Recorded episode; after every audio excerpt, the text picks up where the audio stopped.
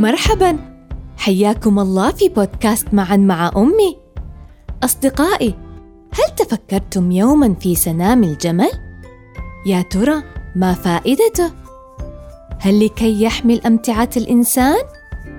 أم لكي تستطيع الجمال الأخرى التعرف عليه؟ أو لأسباب لا نعلمها؟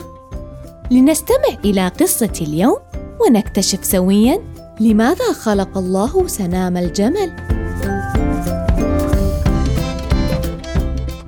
لماذا خلق الله سنام الجمل؟ كان الحمار يسير في الصحراء قاصدا قريته ومن بعيد رأى صديقه الجمل قادما. ولما اقتربا تبادلا التحايا وأخذا يتحدثان. كان الحمار يحمل على ظهره اكياسا من القمح. فقال للجمل يجب أن أوصل هذه الأكياس إلى صاحبي. فقد تعبت كثيرا وكلما أسرعت في الذهاب تخلصت من شرها. قال الجمل وهو يشعر بالشفقة على صديقه.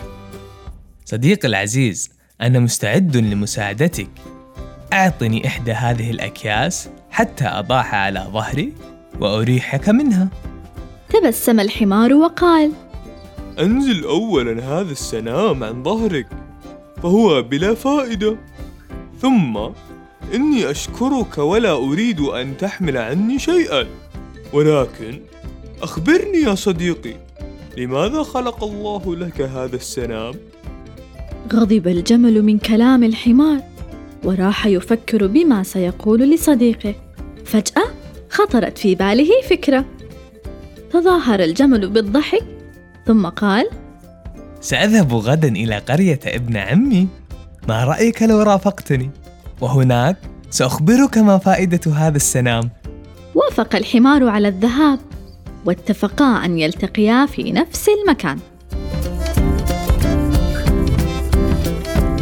صباح اليوم التالي التقى الصديقان في المكان المحدد سأل الجمل صديقه هل أنت مستعد للسفر معي؟ قال الحمار بكل تأكيد يا صديقي وقد جلبت طعاما للغداء. قال الجمل. إذا هيا بنا حتى نصل إلى القرية قبل الغروب.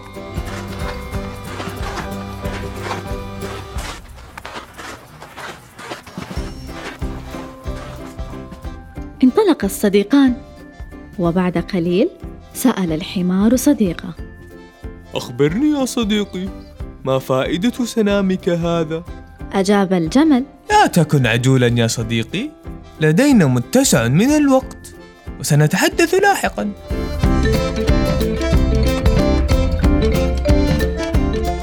حان وقت الظهيرة ووصلا إلى الصحراء حيث لا عشب ولا ماء. شعر الحمار بالجوع فبدأ يأكل العشب. أما الجمل فلم يكن يشعر بالجوع ولا بالعطش. أحس الصديقان بالتعب. فجلسا طلبا للراحة ثم أكملا سيرهما. وبعد مدة شعر الحمار بالجوع من جديد. ولكن ما العمل بعد أن نفذ العشب؟ لا يوجد شيء يؤكل في هذه الصحراء القاحلة. أما الجمل فلم يكن يشعر بالجوع.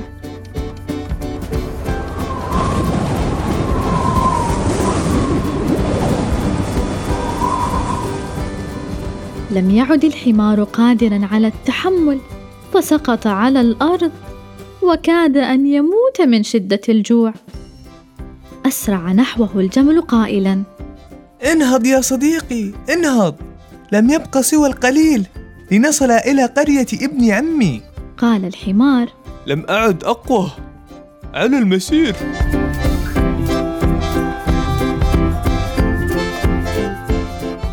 عندها أسرع الجمل بالذهاب إلى القرية وأحضر قليلا من العشب والماء إلى الحمار.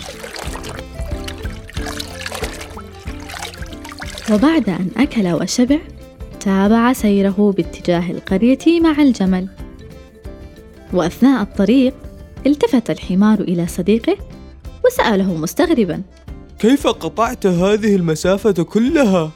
ولم تأكل أو تشرب شيئا؟ أجاب الجمل لأني أملك سناما على ظهري وهذا السنام مليء بالغذاء الذي يمدني بالطاقة حين الجوع والعطش. دهش الحمار من كلام صديقه واعتذر عما قاله بالأمس بعد أن عرف أهمية السنام. وبعد دقائق قليلة وصلا إلى القرية. أصدقائي هل خطر على بالكم؟ حيوانات أخرى تخبئ طعامها لتستفيد منه في وقت لاحق؟ شاركونا ماذا وجدتم من حيوانات عبر هاشتاج معا مع أمي. شكرا لحسن استماعكم. هيا فلنحضن أنفسنا ونردد سويا. أنا أتأمل. وفي مخلوقات الله أتفكر. أنا قارئ اليوم. أنا قائد الغد. دمتم في أمان الله.